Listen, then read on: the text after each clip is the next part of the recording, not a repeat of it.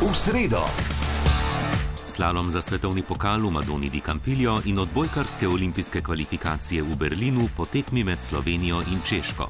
Mogoče si res lahko izbiramo nasprotnika, vendar je res težko predvidevati, koga, koga si izbrati. Tako da ni dobro kalkulirati na turnirju, iti vsako tekmo na zmago in nekako držati ta ritem, ta ritem uh, turnirja. Slalom za smučarje bo spremljal Marko Polak. V Berlinu sta Anja Hlača Ferjančič in Boštjan Rebršak.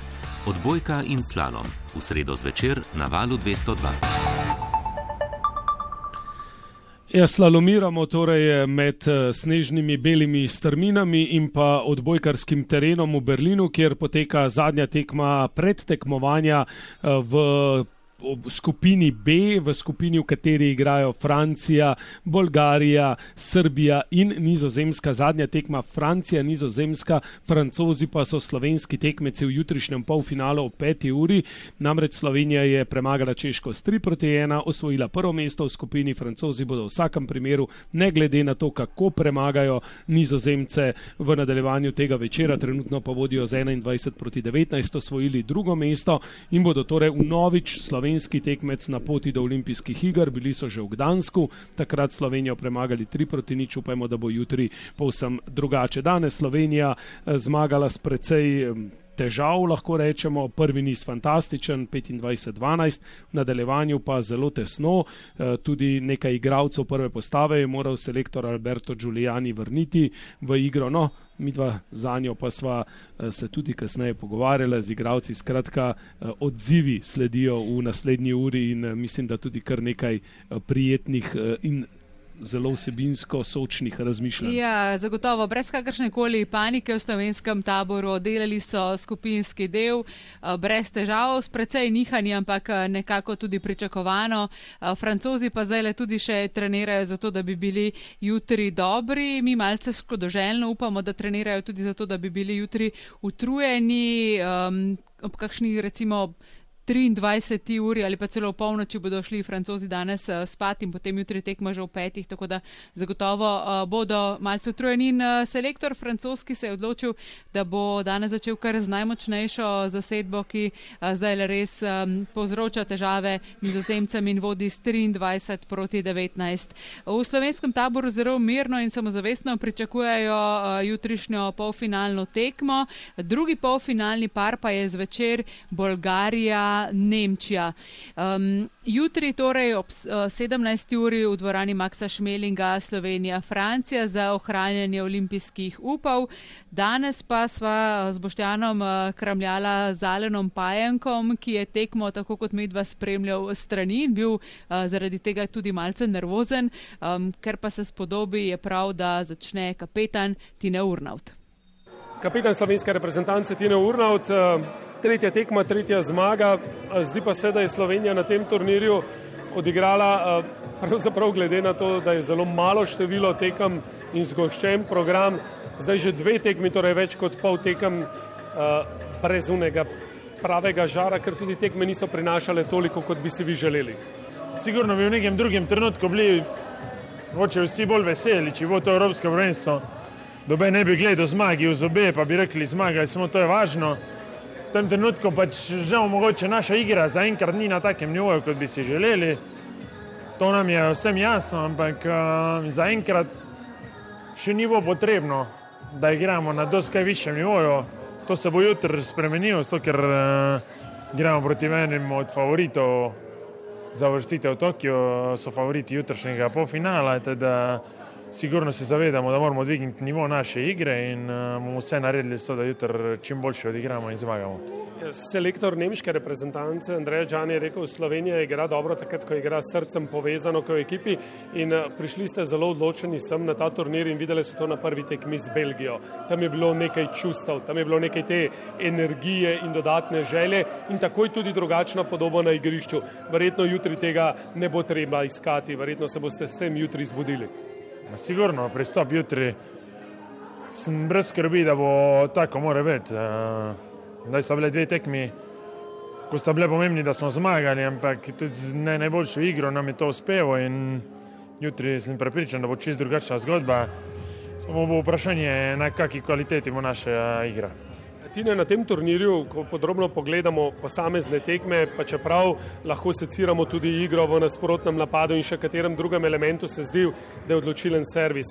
Nekatere reprezentance fantastično servirajo, razmerje napak in asov se je pomaknilo proti ena, ena, eh, morda pri kakšni reprezentanci ena, dve, ampak te najboljše, ki zmagujejo, so nenormalno uh, učinkovite in z izjemnim izkoristkom na servisu kako to zaustaviti. Slovenija je bila znana kot ena najboljših sprejmalskih ekip. Boste to znali eh, zdaj v nadaljevanju tega turnira tudi znova dokazati? Sigurno bomo vse naredili za to, se bomo potrudili. Spremembo žoge se je tudi zmanjšal število napak.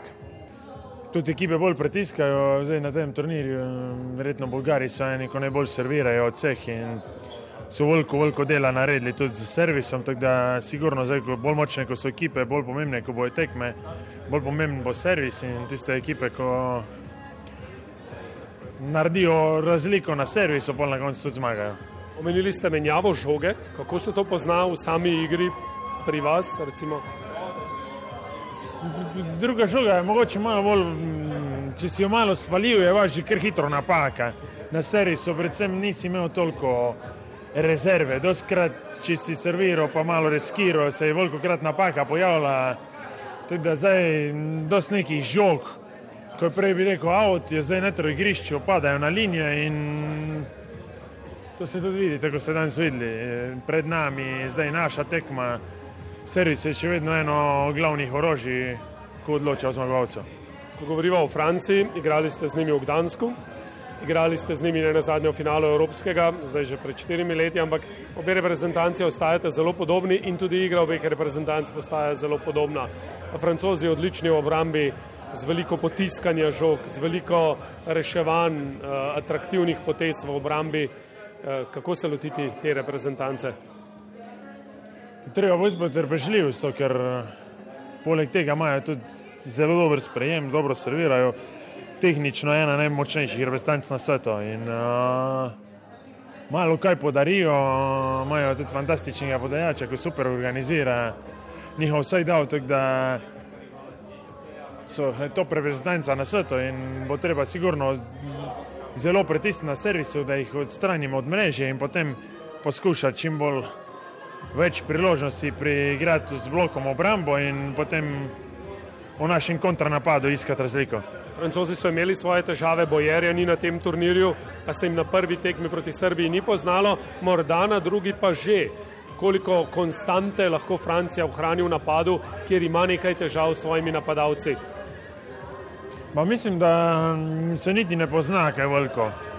Da imajo toliko kvalitetnih igralcev, predvsem pa tako sem rekel, podajače igralca take nivoje, da Samo ko je ono ekipi, imajo side out okrog, ne vem točne številke, ampak verjetno okrog 70%. In uh, kogarkoli ima na drugem zravno igrišču, zelo dobro organizira, glede na to, da imajo konstantno zelo dober sprejem, zelo dobro organizira side out in že samo to jih postavlja na vrh med uh, zelo kvalitetne ekipe. Kateri klik bi si želeli v slovenski reprezentanci na jutrišnji tekmi, kaj da bi steklo, kaj da bi naredilo razliko v primerjavi s tem, kar imate povratnih informacij z dosedanjih tekem? Da bi izkoristili čim več priložnosti, kar si bomo jih prigrali, zato ker te so prigrali, si bomo jih sigurno, pa pol, da smo mirni, pa da lahko pametno, mirno analiziramo kontranapad in uh, če nam to uspe, pa da izkoristimo večji del priložnosti, ko si jih priborimo, sem sigurno, da lahko zmagamo. Tine, odšli ste sem, ste rekli, naredili bomo vse, da pridemo v Tokio med štiri reprezentance, ste prišli, ste še prepričani, da Slovenija lahko gre letos do Tokija? Sigurno, sigurno, sploh ni druge možnosti. Ko pa da ne gremo jutri prepričani, da lahko premagamo francoze v tekmo. Hvala lepa in srečno. Alen Pajenk, Slovenija je upravila svojo nalogo v pretekmovanju. Vi ste bili danes v malce nenavadni vlogi, spremljali ste svoje igravce eh, strani, kako je bilo, vas občasno naredijo nervoznega? pa ja, mislim, spoh je takšna tekma, kjer eh, bi nekako moral, da ne rečem, eh, lahko zmagati, pač malo je pač, vem, da rečem, problem to, da ni tiste mogoče prave motivacije proti slabšim nasprotnikom na papirju in potem se dogaja to, kar se je danes. Popustiš, eh, pustiš nasprotniku, da se vrne v igro in eh, na koncu, hvala Bogu, zmaga tri točke, jutri pa nov dan. Ja, jutri je nov dan, jutri je polfinale in uh, zelo, zelo pomembna tekma s francozi. Um, nekako se uh, zgodovina ponavlja, bi lahko rekli. Francozi so vam prekrižali račune v Gdansku. Takrat se mi je zdela zelo atipična tekma. V bistvu statistika ni povedala nič, Slovenija je bila skoraj boljša statistično, ampak francozi so enostavno uspeli ohranjati žogo v igri, niso delali napak, slovenci pa ste bili bolj poletni, ampak ni bilo dovolj. Kako se lotiti francozov? Ja, ti francozi, to tisti, kako se reče, klin v peti. Ne vem, mislim, jutri bo normalno spet posebna tekma. To je tekma za izločanje oziroma za tisto eno stopnico na olimpijske, ki so normalno sanje vsakega in eh, pač treba bo zares zbrano igrati, eh, se vrniti tisti naši igri, kot smo recimo danes ta prvi set pokazali igrati taktično, ne podarjati eh, lahkih žog in na koncu zmagati. Francozi so imeli ogromno težav znotraj moštva, eh, pripotovali so sem brez prvega korektorja Bojerja, ampak zdi se, da so se nekako poenotili. Um, kako vam delujejo Francozi na tem turnirju? Tako kot zgleda, mislim, da nima nekih večjih težav. Uh, tudi, bomo rekli, spremavci se ne, se ne čuti, da bi bila kakšna razlika igrajo tisto svojo igro in uh, že sam rezultat dosti pove, so že naprej. Treba bo res, tako se neko, igrati na polno zbrano in jih enkrat zmagati. Angapet je um, kakšen poseben faktor še vedno ali ne? Mislim, da ne več. Da, mislim, da ga že dovolj vsi poznamo in uh, mislim, bo naredil on par pik to, kar naredi ampak uh, tudi zdaj smo tudi mi, tisti pravi izbrani in uh, mislim, da jutri bo normalno zelo težka tekma, ampak bomo normalno dali vse od sebe. Alen Pajek, zakaj so servisi na tem turnirju še bolj pomembni kot v moderni odbojki nasploh? Um, zdi se, da enostavno ekipe vse ogromno, ogromno tvegajo servisi, da veliko težav na sprejemu tudi zato, morda, ker niste imeli dovolj časa za uigranost ali kakšna druga razlaga normalno logika, če imaš dober servis, oddališ nasprotnika, igrajo tiste visoke žoge in je potem normalno lažje igrati z blok z obrambo. In eh, tu se pol ustvarjajo tiste razlike v pikah, ker bomo mi normalno poskušali in pa normalno tudi oni. In uh, upam, da nam bo od jutri naprej stekel servis, uh, ker vemo, da francozi so dobri spremavci. In uh, če nam bo to uspelo, mislim, da lahko dobimo dober rezultat. Prijatelji ste srpskimi odbojkarji, um, spremljali ste danes njihovo slovo. Kako komentirate to, da Srbi odhajajo domov ali pa morda lažje vprašanje na splošno sistem? Evropski prvak nima zagotovljene olimpijske vozovnice, je to prav? Ne, mislim, da že par let se govorimo o tem, da normalno, mislim, da samo to v odbojki da evropski prvak ne gre na olimpijske, kar je, ne bom rekel, ponižujoče, ampak zelo slabo za odbojko, ker vemo, da pač žalostno, ampak evropska odbojka je trenutno najboljša na svetu, razen pač nekaterih držav, ki so razmetane po okoli. Ampak ja, mislim, dan danes je vse več reprezentanc v Evropi, kjer bi morali biti na tistem samem vrhu, tudi mi se zdaj že prebijamo in eh, tako se vidi, da se odbojka tudi v drugih manjših državah razvija. In ja, mislim, danes že Srbi, jutri nove dve reprezentanci, ki se bodo poslovile in eh, normalno to je za šport, kot je odbojka, zelo slabo. Um, Alen, um, na podlagi česa gojite v slovenskem taboru optimizem?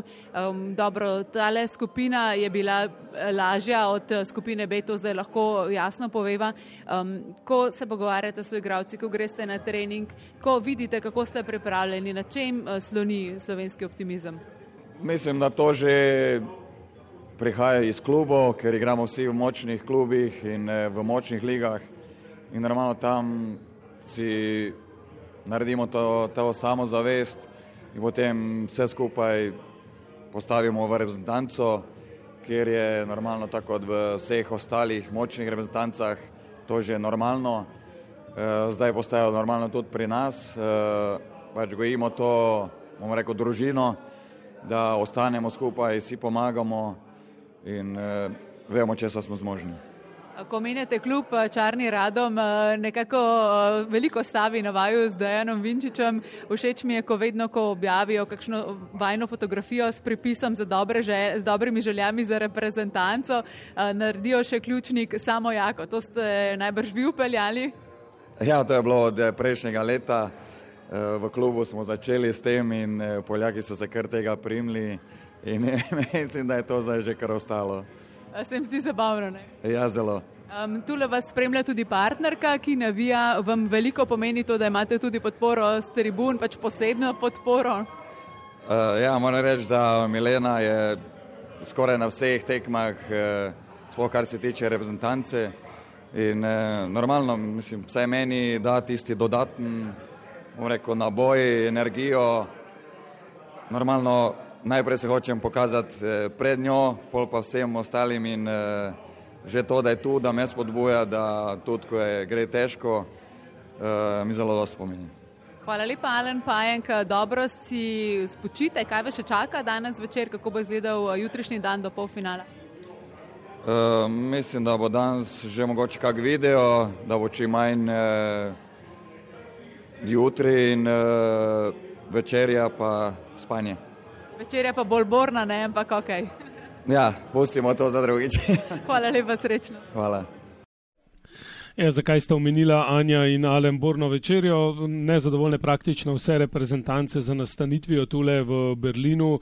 Eh, kar nekaj pritožb je bilo na začetku glede hrane, ki pa se ni popravila tekom turnirja, ampak eh, bolj pomembno je, da so slovenski reprezentanti lačni zmag in da bodo to lahko to jutri potešili proti francozom, ki vodijo z ena proti nič v nizih in v drugem nizu z deset proti šest proti nizozemski, kar se zdi uspešno ogrevanje francoske reprezentance, ki je medtem že spremenila svojo podobo. Na klopi je že Rvananga 5, na klopi je tudi eh, njihov prvi organizator igre Tonjuti, le še uh, pravzaprav Tili, sprejemalec, eh, sin selektorja francoske reprezentance v tiste udarne postave trenutno na igrišču in uh, francozi so počasi tudi že preklopili na jutrišnji polfinale svoj del uh, ogrevanja pa so upravili, tako kot so denimo tudi slovenci proti Čehom, uh, vsaj tista udarna postava se ogrevali samo prvi niz v nadaljevanju, pa samo nekateri še pomagali do končne zmage s 3 proti 1 v nizi. Gremo nazaj na alpsko smučanje, še se vrnemo v Berlin,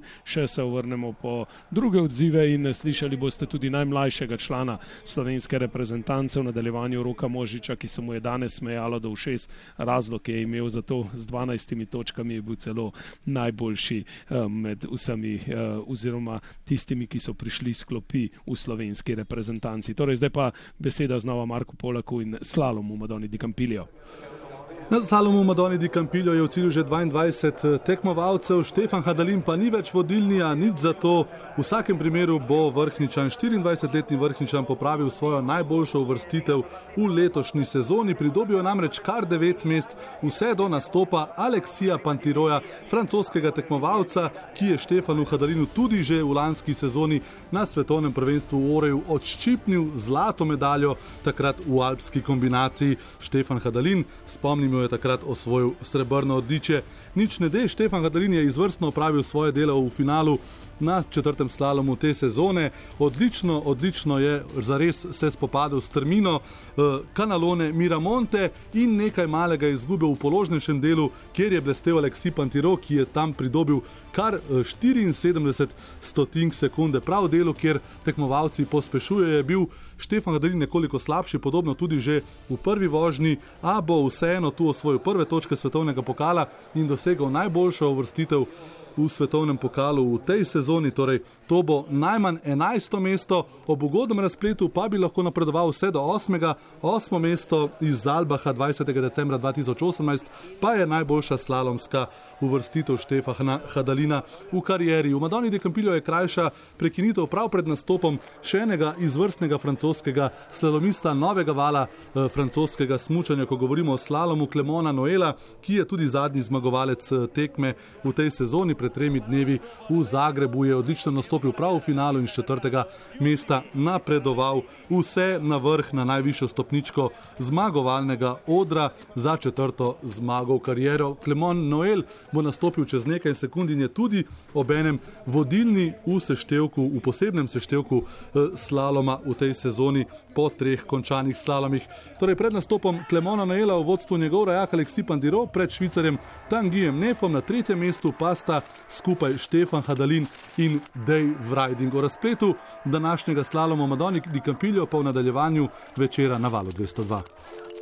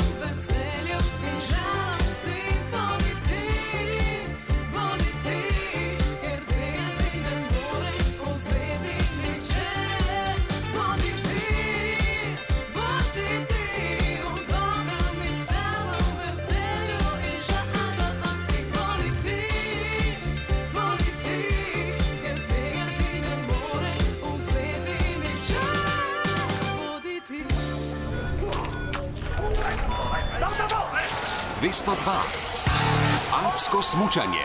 V Madoni di Campillo je na vrhu le še šesterica najboljših in to šesterico je ločila zgolj zgolj 54 stotink sekunde, prvi, ki pa se je izpognal iz startne hišice, pa je visokorasli švicarski tekmovalec Ramon Cenhojzeren, tudi eden od srednjih favoritov za zmago, za svojo drugo zmago v karieri, edino pa je dosegel v lanski sezoni prav pri nas v Kranski gori. Dobro je začel švicarski tekmovalec, še povišal svojo prednost pred vodilnim v cilju francozom Klemonom Noelem, ki je uspel prehiteti svojega rojaka Aleksija Pantiroja, medtem ko Štefan Hadalin drži četrto mesto mesto. V tem času je pridobil še eno mesto, saj se je nastop ponesrečil eh, zadnjemu avstrijskemu upu danes eh, na progi eh, Kanalone Miramontov v Madoni di Campilju, Marku Švarcu, torej velik, velik polom za avstrijsko smučarsko reprezentanco, ki ne bo imela tekmovalca, kot kaže, niti v deseterici zaenkrat edini.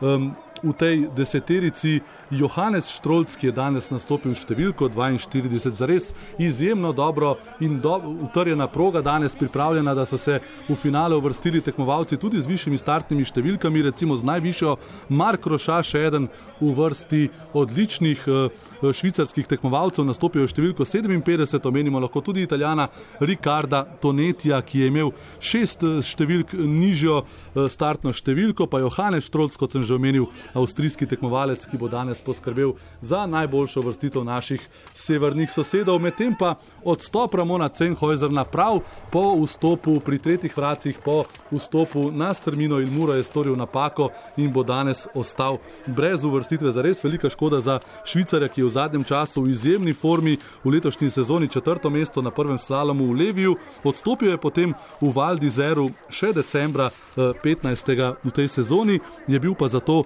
drugi na zadnjem slalomu v Zagrebu, tokrat pa kot rečeno brez uvrstitve. Bo pa visoko uvrstitev iskal Sebastian Fos Soleva, ki je že naslednji na progi Norvežan, zaenkrat odlično, prav na tem mestu zdaj eh, bolj previdno kot Švicar pred njim, ki je odstopil. Soleva ima še vedno 32 stotink prednosti pred vodilnim Klemonom Noelom v ciljnem izteku in to je zdaj pred tem ravninskim položnim delom, prav pred ciljem, pred zadnjimi zavoji, izgubil le še 5 stotink, loči njega in vodilnega, ali bo dovolj ne 500 tink, je razlika, ki je ostala tudi o prihodu v cilj za Norvežana, ki pa ni prav nič eh, razočaran po svojem nastopu. Pomahal je seveda tudi gledalcem in kameri, torej zadovoljen s svojim nastopom Sebastian Fos Solevak. Na vrhu pa le še četverica in prvi, ki se bo podal na progo, je Aleksandr Horošilov, nekdaj precej v boljši formi ruski tekmovalec, ki je danes številko 25 presenetil in za vodilnim švicarskim tekmovalcem Danielom Julom zaostal le za 42 stotink. Progo bo seveda moral napasti kot vsi tekmovalci pred njim, gre za kratko odprto progo, podobno kot v prvi vožnji, odločile bodo malenkosti, najboljši, najhitrejši, pa seveda bodo tisti brez napak in najnatančnejši pri vseh teh zavojih, ki so nocoj nekoliko krajši, približno 9 metrov in pol razlike med količki, kar je nekaj manj od eh, sicer moškega slalomskega povprečja, ki je sicer približno 10 metrov. Medtem je Rus Aleksandr Horošilov že zapravil polovico svoje prednosti iz prve vožnje, 19 stotinke, izgubil na tej uvodni strmini v Madoni di Campillo. Že naslednji mestni čas pa bo pokazal, da je vsa prednost šla po zlu. Aleksandr Hološilov v tej vožnji ni prepričil tudi z drsom na zadnji strmini Il Muro, dva zdrsa zapored v dveh zabojih ruskega tekmovalca, ki ostaja brez možnosti za prevzem vodstva. Izgubil namreč tudi precej hitrosti, saj zaostaja že za sekundo in bo kot kaže zaostal tudi za našim tekmovalcem Štefanom Hodolinom, ki ostaja na petem mestu. Rus Aleksandr Horošilov je v cilju šele 12. pred nastopom zadnje trojice, najboljše trojice v Madoni di Campillo in to bo zares izjemen bol najboljših treh, loči jih le 40 stotink sekunde, kot prvi pa bo kaj kmalo nastopil švedski tekmovalec, aktualni olimpijski prvak iz Pjongčanga, Andre Mirer, ki bo seveda skušal znova poskrbeti za stopničke za švedsko reprezentanco. Kot zadnji se je na zmagovalni odr v Madoni di Campillo povzpel Jens Bigmark na zadnje leta 2014, pred šestimi leti, ko je ostal za, za, zaostal za nemškim dvojcem Fricom Dopferjem, takrat na drugem mestu in pa že zdaj uh, upokojenim tekmovalcem Felixom Neureuterjem, ki je takrat zmagal. Takrat uh, Švedi niso stali na stopničkah uh, zmagovalnega odra v Madoni di Campillo, to pa bo skušal spremeniti Andrej Mirer, aktualni olimpijski zmagovalec, ki je že na strmini uh, kanalone Mira Monte in se bo skušal pridružiti slovitim rojakom, ki so tu že zmagali, seveda najslovitejši Ingemar Stenmark. No, to pa ne bo uspelo prehitro, sem ga že uvrstil med legende švedskega alpskega smučanja. Napaka Andreja Mirera, ki je enostavno želel preveč, preveč uh, zaletavo se je spopadel s to vodno strmino in odstopil že po prvi tretjini današnje proge, kar pomeni, da je Štefan Hadalin pridobil 13 mest in se bo veselil najboljše uvrstitve v svoji karieri v Sralamu. Štefanu Hadalinu lahko že zdaj čestitamo, kdo ve, morda bo ta uvrstitev na koncu še boljša, kot eh, sicer zdaj kaže pred zadnjima dvema nastopoma. Nasmiha se mu sedmo mesto, torej je za mesto izboljšal uvrstitev iz Albaha z decembra 2018. leta. Štefan Hadalin torej še vedno na petem mestu, na vrhu pa le še eden najboljših slalomistov zadnjih let, Henrik Kristofersen, takoj za njim pa bo nastopil še zmagovalec lanske sezone na tem prizorišču. In to je švicar Daniel. Henrik Kristofersen medtem že napada progo v Madoni di Campillo, odločen tako kot vedno, takega, kot ga poznamo, izjemno natančen in za stotinko sekunde, torej za pičlo stotinko je še povečal pri prvem umestnem času svojo zalogo prednosti pred francozom Klemonom Noelom, ki se bo znova veselil stopničk zmagovalnega odra in uh, bo Eh, kot kaže, izjemen boj prav med Kristofersom in Noelom, tudi za vodstvo slalomskega seštevka na tej četrti eh, slalomski tekmi v tej zimi. Odločno še naprej Henrik Kristofersen, kako natančen je norveški tekmovalec, tudi strmino odlično oddelal pa potem nekaj slabše na položnejšem delu, a ta njegova prednost bi morala biti dovoljšna za prevzem vodstva. Tako je, sicer ne tako velika, kot je sprva kazalo, deset stotink je bilo dovolj, da se Henrik Kristofersen veseli novega vodstva in seveda novih stopničk zmagovalnega odra v Madoni di Campillo. Henrik Kristofersen na zadnji na stopničkah tu tretje mesto leta 2017, predtem pa dve zaporedni zmagi v letih 2016 in še leto prej v sezoni 2015. V obeh je ugnal avstrijskega velemojstra slalomske eh, in pa vele slalomske discipline alpskega smučanja Marcela Hiršerja, ki pa v letošnji sezoni seveda ne tekmuje več. Henry Kristofersen, trenutno vodilni na drugem mestu francos eh, Clement Neil z desetimi stotinkami zaostanka, še za pet stotink več pa zaostaja no, norveški tekmovalec Sebastian Foss Solevak, ki bo zdaj nestrpno spremljal še nastop zadnjega vodilnega švicarskega tekmovalca.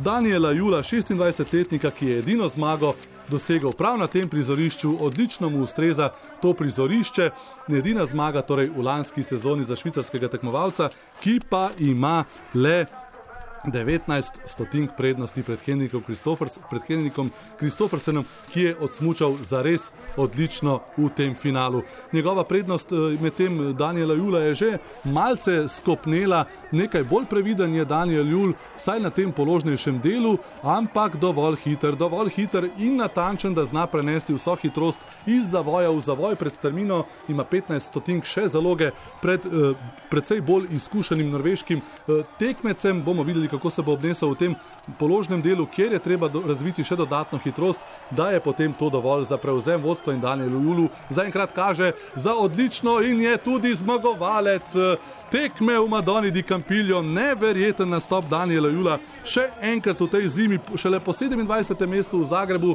je potrdil, da je vseeno v dobri formi in da je očitno Madona di Campillo njegovo najljubše prizorišče. Slalom v Madoni di Campillo je končan zmagovalec Daniel Jul za Švico, na drugem mestu Henrik Kristofersen, tretji pa francos Clement Noel. Veselimo pa se seveda najboljše uvrstitve v karieri našega najboljšega slalomista Štefana Hadalina, ki je končal na desetem mestu, v nadaljevanju večera na valu 202 pa znova kot bojki. Ja, torej, veselimo se uspešnega nastopa Štefana Hadelina, veselimo se tudi v teh dneh uspešnih nastopov slovenskih odbojkarjev, zaenkrat predvsem eh, sodeč po rezultatih. Po igri bo treba še nekaj dodati, da se bomo lahko veselili tudi jutri, ko bo zares pomembno tekma ob 17. s Francijo v polfinalu olimpijskih kvalifikacij v Berlinu. In če bodo Slovenci jutri uspešni, potem čaka še veliki finale v petkovem večeru ob 20. in 10 minut in upajmo. Si upal pošteno povedati, s kom, polfinalista sta Bolgarija in Nemčija? Ja, najprej se moramo oba prepričati, da bo Slovenija premagala Francijo, ampak reciva, da jo premaga, potem pa bi si sam želel, da bi Slovenija igrala proti Nemčiji. Bolj realno pa je, da proti Bolgariji, ki je na tem turnirju prikazala največ. Res je in francozi končujejo današnji spored na tekmi z nizozemci, vodijo z dve proti nič in čaka jih najbrž, da samo še en niz za meren zaključek tega skupinskega dela. Nizozemci potem potujejo domov, francozi pa torej v priprave na Slovenijo, zagotovo jih čaka tudi danes že kakšen pomenek o Sloveniji. Ja, prva reprezentanca Evrope tudi potuje domov v Srbijo, o tem sva že veliko govorila skozi današnji dan, ampak kako zelo razočarani so bili Srbi po porazu. Nekateri igralci preprosto niso mogli zapustiti prizorišča. Aleksandar Atanasijevič in uh, Uroš Kovačevič sta obsedela na mestu nepremično. Uh, najboljši igralec in najboljši, najučinkovitejši strelec ali pa točkovno najučinkovitejši igralec zadnjega evropskega prvenstva ne boste videli olimpijskih iger. Dva igralca, ki bi jo imel vsak trener eh, na spisku svojih želja, posem na vrhu, eh, tudi v močnem italijanskem prvenstvu sta ostala brez olimpijskih iger in še trije bodo ostali brez olimpijskih iger, še tri reprezentance med štirimi, eh, ki so se uvrstile v polfinale. Ja, zagotovo um, ves uh, čas uh, ponavljava, da tu letoložilne nagrade ni in po tem turnirju v Berlinu bo zagotovo bistveno več razočaranih kot zadovoljnih, ampak še vedno je zelo možno, da bo med najbolj zadovoljnimi Berlin zapuščal najboljši bloker zadnjega evropskega prvenstva prvenstva in pa tudi najboljši libero. Zdaj, najboljšega blokerja zadnjega evropskega prvenstva Jana Kozamernika boste slišali k malu, potem pa Jani Kovačič, danes vam mu namenila prost večer, sva pa zato ujela Roka Možiča, ki bo čez nekaj dni 17. januarja dopolnil 18 let in je danes dobil svojo prvo veliko priložnost v reprezentančnem dresu. Zdaj torej še dva slovenska reprezentanta, najprej član Milana, potem pa še član Maribora. Janko Zamernik, slovenska reprezentanca je končala pretekmovanje s tremi zmagami, neporažena, edina, tako kot Bolgarija. Oba si želiva, tako kot tule stojiva, da bi ostali nepremagani ti dve reprezentanci, lahko tudi do petka, potem pa naj zmaga boljši, ampak kaj vzeti pravzaprav iz tega pretekmovanja v slovenski reprezentanci, vključno z današnjo tekmo s Češko? Ja, definitivno je treba vzeti to, da se naša igra stopnjuje. Konec koncev, veliko smo v kakšnem stanju, ki smo vršli do zdaj, se mislim, da se je popravilo veliko stvari.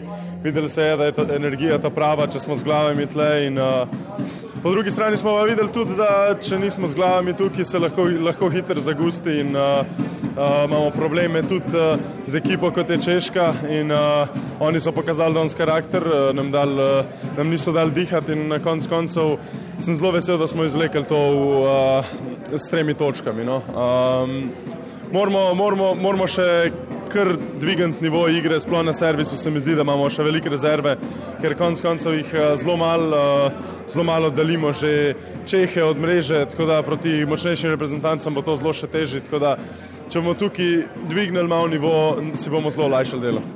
Servis je pokazano na tem prvenstvu lahko odločilen element. Bolgari z razmerjem napak in asov ena proti ena zmagujejo na ta način tudi tehnično dovršene reprezentance so spravili s tem v težave in jutri vas čaka tehnično dovršena reprezentanca Francija. Kako lahko človek bolj tvega na servisu ali pa manj, kako si lahko recimo samo v glavi človek predstavlja, zdaj bom pa naredil nekaj več.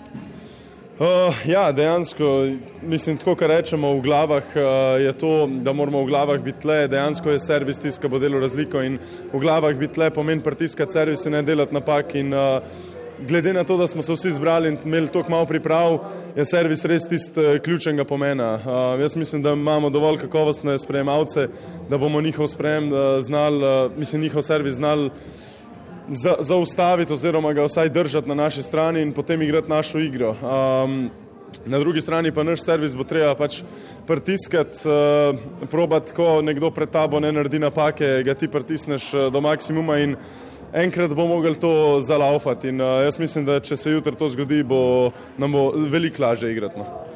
Ja, tekma s Francijo je že prva odločilna na tem turnirju doslej. Razen Belgije niste imeli odločilne, videl pa se je pristop povsem drugačen na tekmi s Belgijo kot na preostalih dveh. Ne da bi podcenjevali ostale tekmece, ampak preprosto vam nista prinašala toliko ti preostali tekmi kot tekma z Belgijo.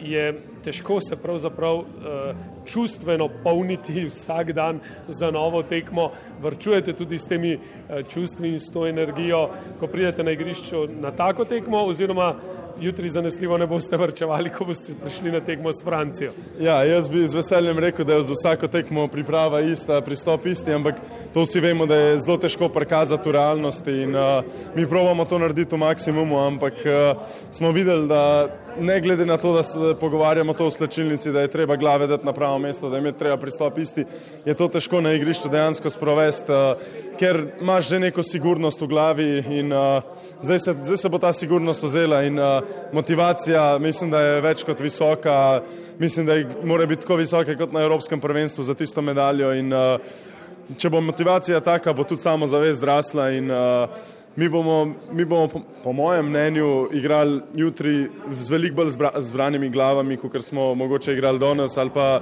um, včeraj. In um, ja, no, jaz mislim, da bojo, da bojo glave res delali razliko. No. Danes smo pričakovali, da bodo izkoristili igralci sklopi svojo priložnost, da morda pokažejo, da pa se lahko na njih določenih eh, elementih tekme še računa. Mitja Gasparini se ni razletel, tudi Grega v določeni fazi eh, pri organizaciji napada ni našel več pravih rešitev. Edini, ki je navdušil mladenič, eh, Rok Možič. Sedem vas je nosilcev igre, s tem ste se verjetno sprijaznili že pred tremi, štirimi leti, ampak kako je to za glavo, ko vsak ve, da mora biti na najvišji ravni, če želi Slovenija zmagati? Ja, težko je. Smo videli proti, uh, zdaj, zadnjo tekmo proti Nemcem. Jaz nisem igral tako dobro, takoj začne malo bolj škripati. Glavno, vsi moramo biti res z glavami tukaj. In, uh, težko je, težko je igrati, uh, lahko rečemo težko in po eni strani lahko je igrati brez menjav, ker nimaš tazga pritiska, ampak uh, Jaz mislim, da si pritisk delamo sami, um, vemo, da smo pomembni, da je vsak član pomemben. Je pa res, da si želimo imeti neko zaledje, na tem delamo že kar nekaj let, da bi se vzgojili še drugi nosilci igre. Konec koncev tudi jaz sem zdaj v zadnjih letih uh, prišel na, na višji nivo in pač tako, tako morajo vsi gledati, tako morajo vsi delati v klubih. In, uh, vem, jaz sem vesel, da so dobili priložnost, ker treba je dati priložnost, ker drugače nikoli ne vejo, v kakšnem stanju smo. Um, in potem na koncu je bilo pa treba spet uh, igrati s prvo postavo, da smo pripeljali tak rezultat do konca, ki smo ga hoteli. Jaz sem vesel za roka, da, je, da se je lepo vklopil. Um, je res, da ima še veliko za delati, ampak uh, je pokazal, da ima karakter, da je pravi zmagovalec. In, um, jaz sem zelo vesel za njega in za našo reprezentanco, da se nam kader malo širi. Uh, bomo, pa, bomo pa res uh, potrebovali v prihodnosti, prihodnih letih, ko mogoče starejši grejo v pokoj še kakšnega mladega, nedebudnega igralca, kot je rok. Je bilo dovolj francoskih zaušnic, čeprav niso bile, uh, pravzaprav pogoste so bile pa obe dosedanje zelo boleče. Ja, s francozi, kjer smo igrali, vedno smo dobili pokepit. Jaz, jaz se nadajam, nadejam, da bi bilo zdaj boljš. Uh, Vemo, kaj smo naredili na prejšnjih kvalifikacijah olimpijskih narobe z njimi. Oddalili smo jih od mreže, pa smo jim pustili v bloku preveč luken, preveč uh, nekih uh, napak naredili, ki se ne bi smele zgoditi. V kontranapadih nismo bili takrat um, učinkoviti in če bomo to popravili, bo bomo tam tam, servirati moramo dobro, to, to, to smo povedali že velikrat in uh, tle bomo naredili kar veliko delo, potem pa zbrane glave v bloku biti potrpežljiv, ker uh, blok je nekaj takega, nasprotnik je vedno v, oziroma napadalce vedno v prednosti, tako da je treba biti res koncentriran, res roke dati samo čez mrežo in jim ne pustiti tistega prostora med mrežo in rokami, ker oni to izkoriščajo in uh, Jaz mislim, da bomo, da bomo mogli biti res skoncentrirani. No? Ja, Linela ni tu, ni niti Bojerja. To sta dva igralca, ki sta igrala zelo pomembno vlogo v napadu pri francozih. E, imajo pa morda zaradi tega še nekaj bolj tehnične sprejemalce. E, korektor pa na prvi tekmi odličen, na drugi tekmi e, poprečen. Videli bomo, kakšen bo danes. E, kako se pripraviti z blokom, kam usmeriti koncentracijo, poleg seveda na NGP-ja, ki je tako ali tako eden najboljših spremavcev na svetu.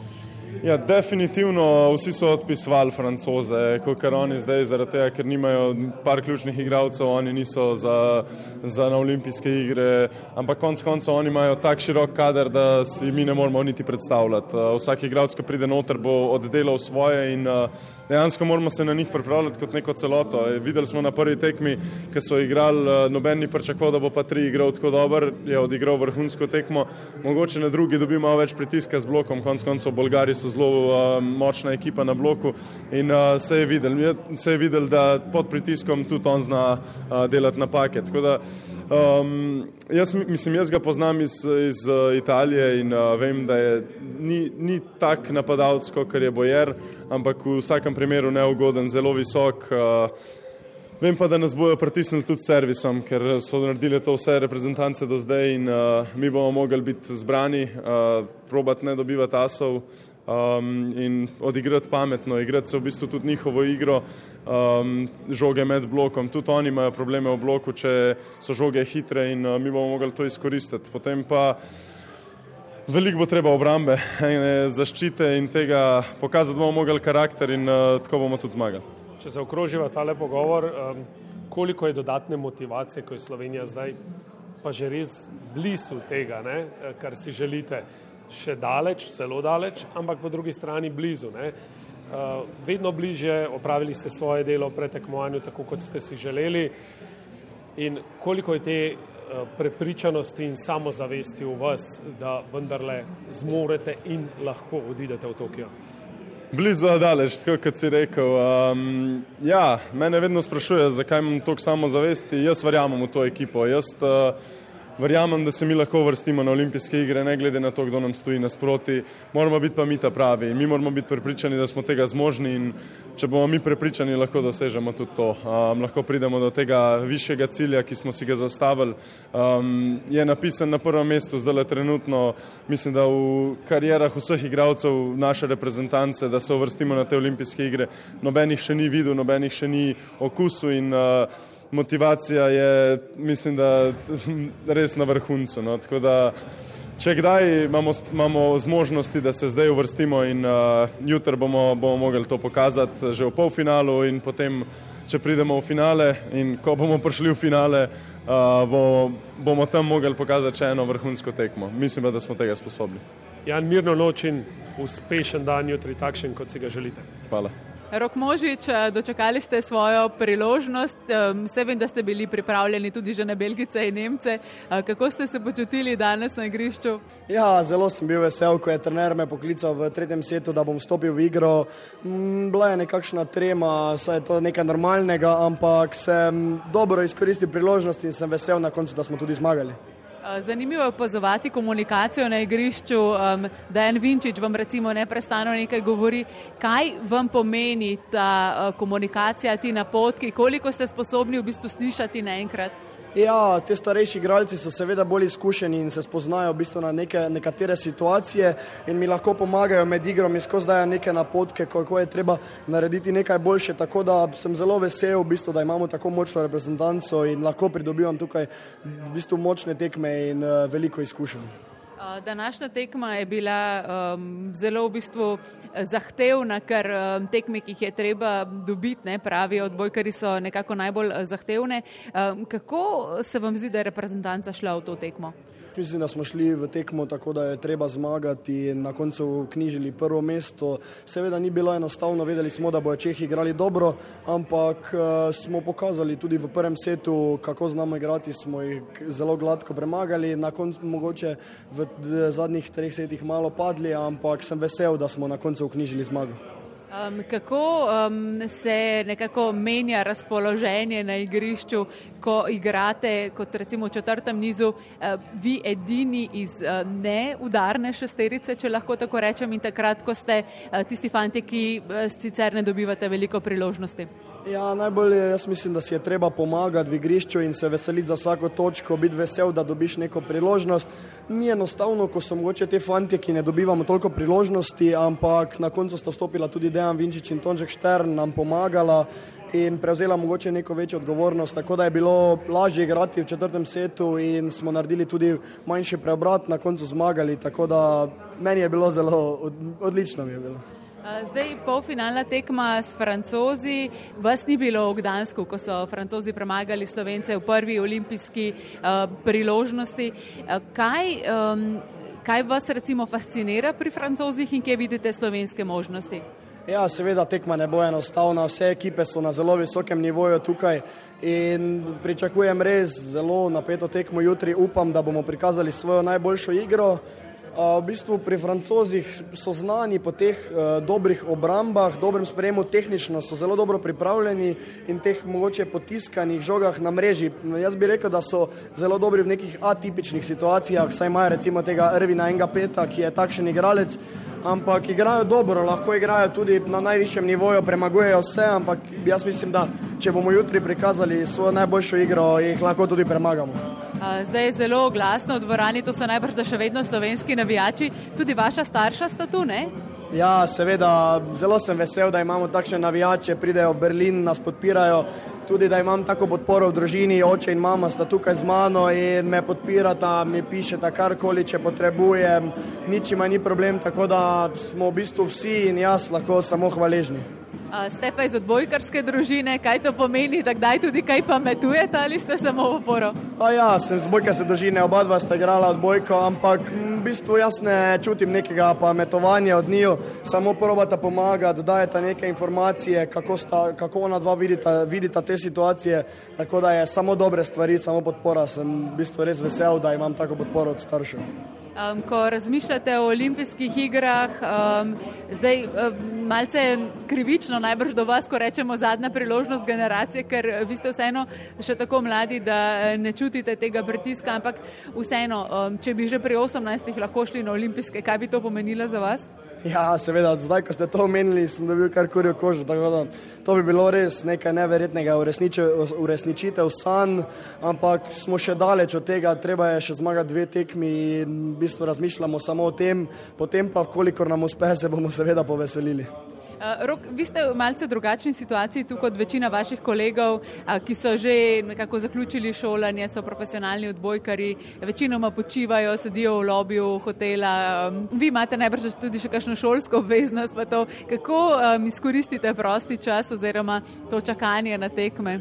Pa ja, jaz še imam, zdaj zaključujem četrti letnik, ampak trenutno na srečo nimamo testov in sem fraj z v bistvu prost šole, tako da večinoma probam se čim več spočiti med prostim časom ali pa gledam mogoče kakšne serije na telefonu, se pogovarjam, ampak se tudi, tudi veliko družim s fanti. Ja, ni, da bi se kaj učili, recimo Janko Zamernik je vedno študiral tudi med temi potmi in med eh, čakanjem na tekme, se mi je zdel tak zgled za ostale. Ja, drugače, seveda, če bi imel sedaj kaj v šoli, bi se moral učiti tudi na druge priprave. Si vzamem kaj za učiti, k sreči sedaj nimam in lahko razmišljam samo o odbojki. Ja, pa v francoščini, nemščini, angliščini. Ne? Ja, angliščina, italijanščina, tuji jeziki v glavnem. Za vas vsi nekako govorijo, da boste novi Tine Urnov ali pa uh, še kaj um, več, zdaj ste še vedno v Mariboru, uh, klubske poti, um, kaj se nakazuje. Danes mi je bilo zanimivo, ko sem srečala tudi italijanskega selektorja Blenžinja, tukaj, tukaj ste vseeno v bistvu na velikem odru odbojkarske scene. Ja, trenutno še eno sezono bom to sezono še ostal v Mariboru, potem pa bomo videli. Sedaj se dogovarjamo z menedžeri in pa jaz mislim, da bi bila najboljša možnost, da bi šel naslednjo leto igrati v tujino neki klub v močni ligi, naprimer francoska, nemška, nekaj takega in da bi dobil priložnost, dober trener, neka dobra sredina in možnost za napredek. Daleč je še do tega, da postanem najboljši igralec, sem pa na neki poti, imam podporo, tako da jaz bom naredil vse za to, da bom postal en izmed najboljših. Verjamem, vas bomo držali za besedo. Hvala lepa, Rok. ja, hvala vam.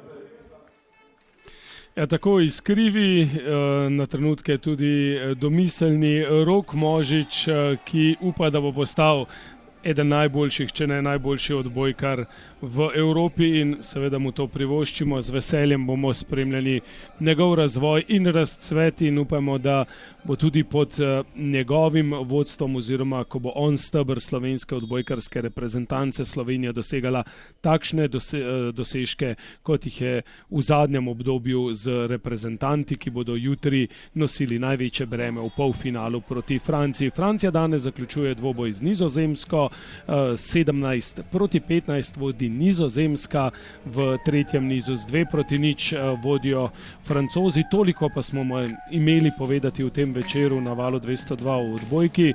Upanju, da smo vas prepričali, da boste z nami tudi jutri, ko Slovenija igra s Francijo. Los Ventilos in Raven zaključujeta odbojkarsko alpski večer na valu 202, iz Berlina pa se poslavljava Anja Hlača Ferjančič in Boštjan Rebršak.